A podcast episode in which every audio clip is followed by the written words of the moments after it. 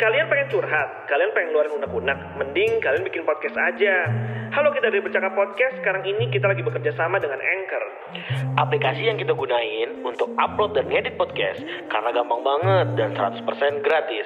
Pokoknya semua yang kita perluin buat bikin podcast ada di aplikasi Anchor ini. Termasuk untuk distribusi Spotify dan platform podcast lainnya. Yuk buruan download dan bikin podcast kamu segera.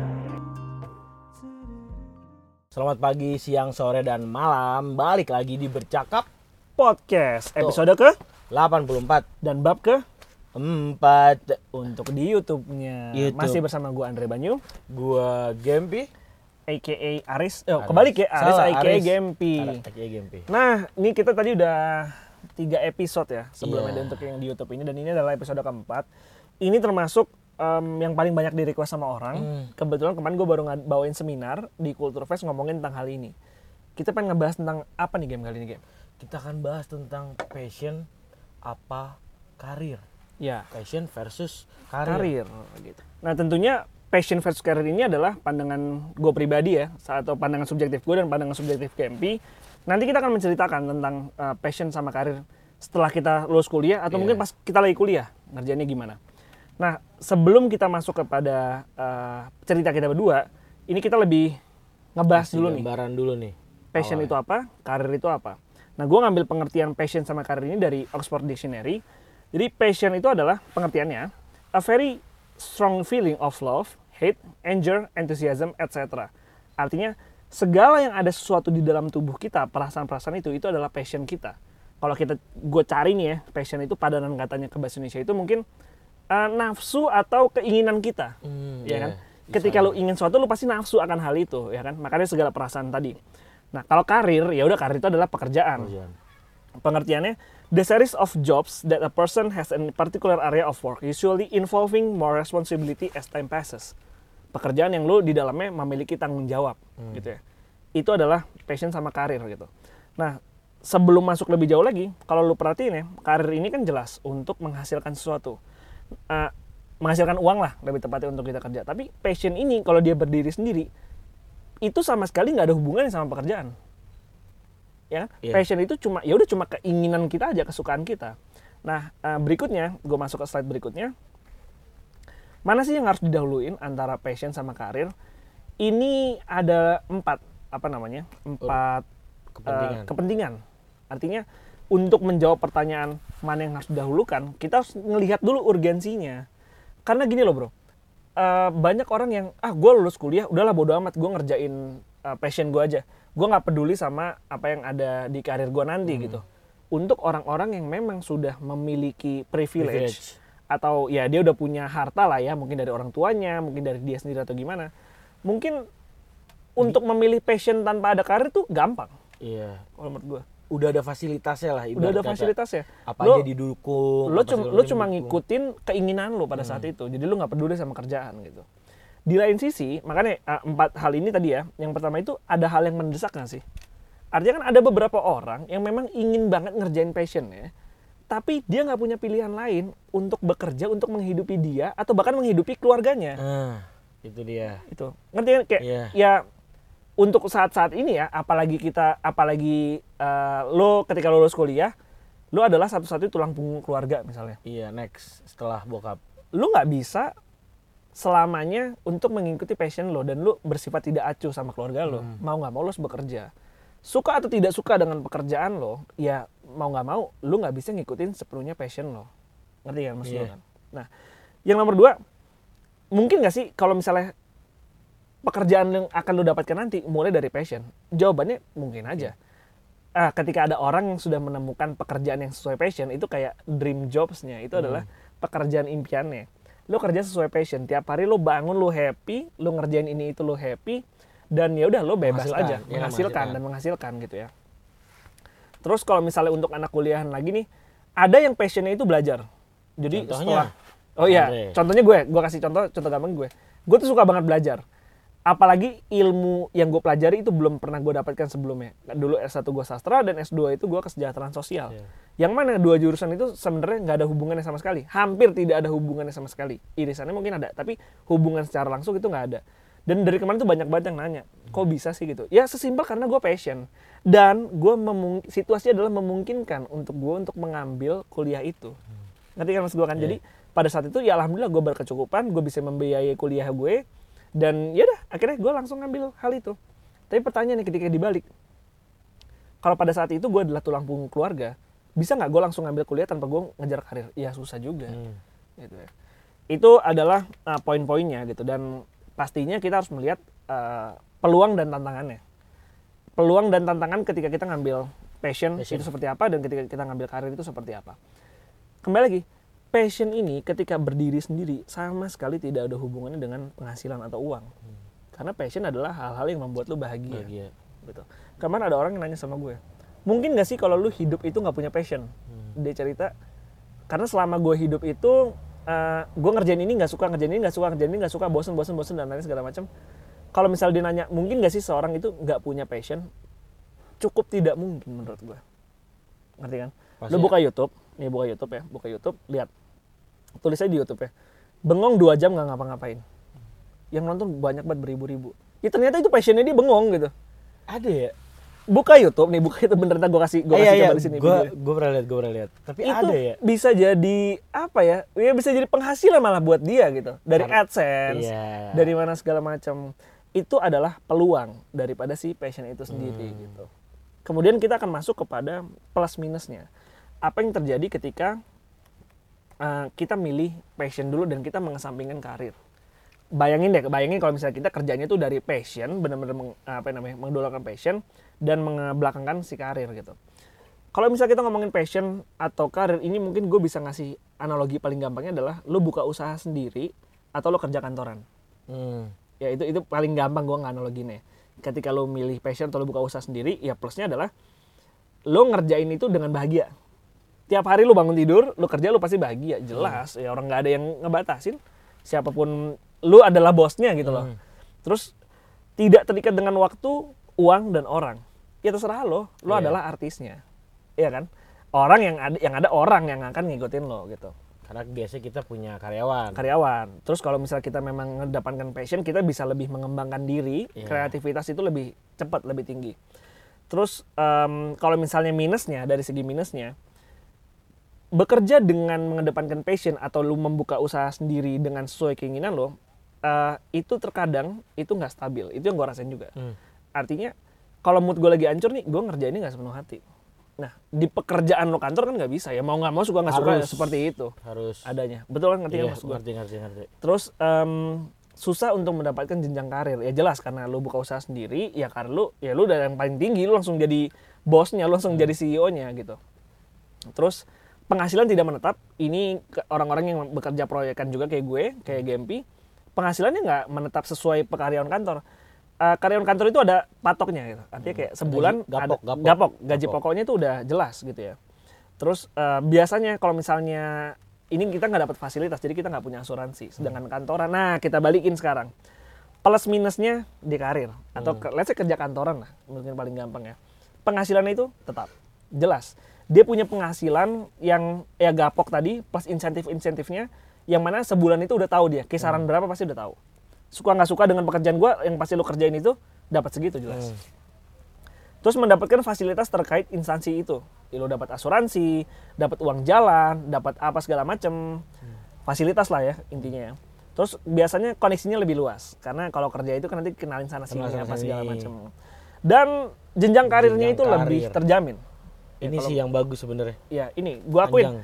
Meskipun gua adalah orang yang memang kerja dari passion, tapi tetap rumput tetangga itu lebih hijau. Jadi memang kalau misalnya di gue dihipnotis nih terus gue ditanya mana yang lebih bagus, ya menurut gue sejujur-jujurnya plus minus, tapi banyak juga di karir itu yang bagus loh. Hmm.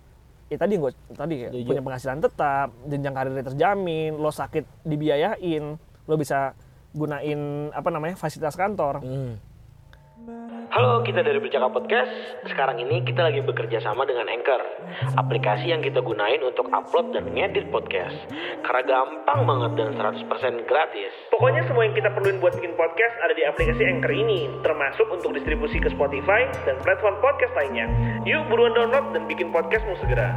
kembali lagi akan ada antitesis di setiap ada tesis artinya pasti ada negatifnya juga negatifnya kerja di kantoran itu apa sih ya biasanya beberapa orang itu kerja nggak sepenuh hati Beban sih. beban ya mau nggak mau gue harus ngerjain kalau nggak gue nggak Iya, dapet duit heeh. Iya kan dimarahin bos apa segala macem Sosial juga ngaruh banget kalau sosial juga gua. ngaruh banget terus Karena eh, di kantor itu biasanya tekanan tuh bukan hanya dari bos, Hmm. tapi biasanya dari teman-teman yang teman-temannya yang nggak sefrekuensi. Mhm. Contoh kalau kalau lu nggak suka eh, keluar malam apa nongkrong after office gitu, terus tiba-tiba kayak lu dikucilin. ada kayak gitu ya Ada pak, Oh, itu banyak cerita-cerita yang kayak gitu sih yang ah jadi cupu nih cupu nih anak Iya, gitu ya Dia tuh kayak merasa terbebani kayak ya gue membutuhkan pekerjaan ini tapi di satu sisi lingkungan gue nih tidak mendukung. hmm oke oke oke, itu oke. menurut menurut gue minusnya di kantor Sampai seperti kantor itu. seperti itu ya terus ya terikat dengan waktu dan orang artinya lu nggak bisa tiap hari bangun senak lu Hmm. memang udah ada jadwalnya lebih terjadwal cuma di satu sisi kalau kita lihat di sisi lain ya lu nggak bebas aja Hmm. sebenarnya gitu kan Eh, kreativitas terbatas ini gue juga eh, berlaku di teman-teman gue ada beberapa teman gue yang ngambil yang menjadi PNS ya Hmm.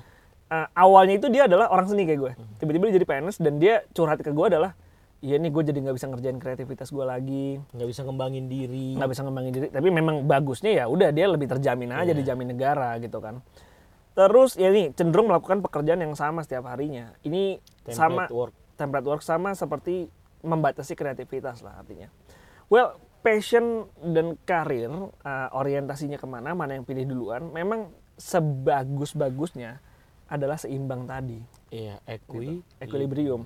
Artinya kalau kita bahas ke episode yang sebelumnya kita ngomong itu ya, work life balance.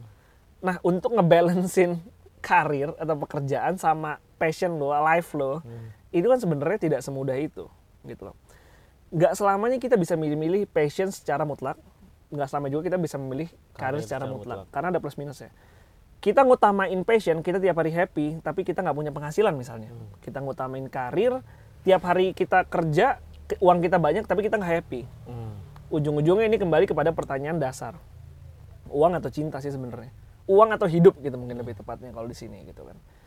Em, Nah, kalau misalkan kalau gue boleh nanya nih ke Mhm. lu Ndre. Mhm. Kalau lu selama ngejalanin berarti lu kan lebih ke passion. hmm, Selain plus minus eh selain minusnya adalah nggak ada gapok dan segala macem, lu pernah nemuin apa? Kan kan kalau di karir mungkin Oke, dari lingkung- lingkungan. ah, Tapi kalau lu di passion nih, lu minusnya apa lagi- apa gitu selain gapok? Karena kan selain money deh, selain money. selain money ya, Ah, selain money, eh, gengsi sih paling, ah, iya. gengsi sih. Jadi Ketika eh, ngumpul bareng teman-teman lama Iya, kali ya. udah pada pamer kan, maksudnya udah pada pamer kerja di sini-sini segala macam. Sedangkan gue ya udah gue kerja sendiri gitu. Hmm. Dan ini tapi kejadian sama ya salah satu orang dekat gue gitu ya. Jadi dia ngebangga banggain orang lain dibandingin gue gitu. Hmm. Gila sih ini tuh orangnya ini banget keren banget udah kerja sini sini sini sini. Dan dia mention gue gitu. Lo gimana sih hidup lo kok stuck di situ-situ aja gitu. Ah. Ya gue biar jujur awalnya gue tersinggung Hmm. dong. Kayak, apa maksudnya ngomong kayak gitu gitu kan. Sampai akhirnya dia ngetemuin gue sama orang yang dibangga-banggain itu. Dan orang yang dibangga-banggain itu tahu gue. Oh, I see. Ya terus terus tahu gue nih. Ngerti kan maksudnya Jadi ibarat kata orang yang lu banggain aja. eh, yang dia banggain aja Iya, dia ngefans sama lu. bukan bukan Kayak eh, dia ngeta- mengakui kenal. gue Kenal, dia ya. mengakui Iya, gue iya. wah gila Apa lu yang udah temenan lu sama si Don gitu Iya. ih dia tuh kayak gini-gini dia nggak tahu semuanya gitu kan nah akhirnya di situ dari yang tadinya gue emosi gue ter apa ya terpancing emosi sampai gue kayak oh ya udah. Ya ujung-ujungnya ketika kalau gue pribadi nih ketika lu adalah orang baik dan lu bekerja secara baik ya mau nggak mau suka nggak suka lu akan diperlakukan orang secara baik juga. Gitu loh. Ya apa yang kau tanam itu yang kau tuai gitu ya. Jadi kalau tadi gue yang emosi atau gimana mungkin bisa muncak emosi gue tapi ya udahlah gue menerima aja lah. Gue mencoba menerima ketika ngomongin tentang gengsi. Sini kerja di BUMN sini kerja di mana segala macam. Ya akui aja. Oh ya ya iya bagus memang gitu. Kita mengakui. Tapi hati-hati ya teman-teman semuanya jadi setiap orang itu memiliki waktu dan apa ya namanya kondisinya masing-masing untuk menuju sukses Tuh. Kalau misalkan ngomongin waktu nih, Hmm. ngomongin waktu ya, eh, lu punya tips nggak sih buat orang-orang nih yang gue pengen nyoba passion dulu nih bang. Hmm. Nah batas waktu gua ngejar passion tuh sampai berapa lama kah atau ada indikatornya kah? Soalnya kadang eh, orang terlalu lama ngejar passion yang akhirnya tidak bisa menghasilkan dan mempengaruhi lama-lama. Nah itu tuh batasannya waktu tuh Oke. berapa lama apa gimana? Jadi kalau misalnya ngomongin tentang batasan waktu, kalau misalnya dari passion itu tidak ada sebenarnya. Tapi kalau karir itu ada karena di peraturan Kementerian Tenaga Kerja, Hmm. artinya gini, passion itu punya batas eh, tidak punya batas waktu, sedangkan karir itu punya batas waktu tertentu. Kemenaker itu punya peraturan bahwa kalau kalau gua nggak salah ya, Hmm. laki-laki itu umur 18 tahun baru boleh mulai bekerja, apa 16 itu baru mulai bekerja. Sedangkan passion kan enggak, lu dari lahir lu udah bisa ngelakuin apa pun yang lu suka. Tidak boleh negara tidak boleh mengatur itu. Setiap orang punya hak asasinya masing-masing kan. Nah, tapi memang ada beberapa indikator, eh, mungkin lu pernah dengar juga ya. Jadi umur 20 eh umur 21 itu lu kerja sama orang, lu ambil ilmu dari orang itu, ambil koneksi sebanyak-banyaknya. Umur 24 lu berhenti bekerja, lu mulai pekerjaan lu. Umur 25 sukses, pokoknya umur 27 tuh indikatornya udah punya rumah, udah punya mobil, udah punya segala-galanya deh yang diinginkan sama dia. Ya sorry itu saya itu bullshit menurut gue. Gitu. Si- Itu Secara subjektif. secara subjektif artinya gini. Kalau buat motivasi gue setuju. Hmm.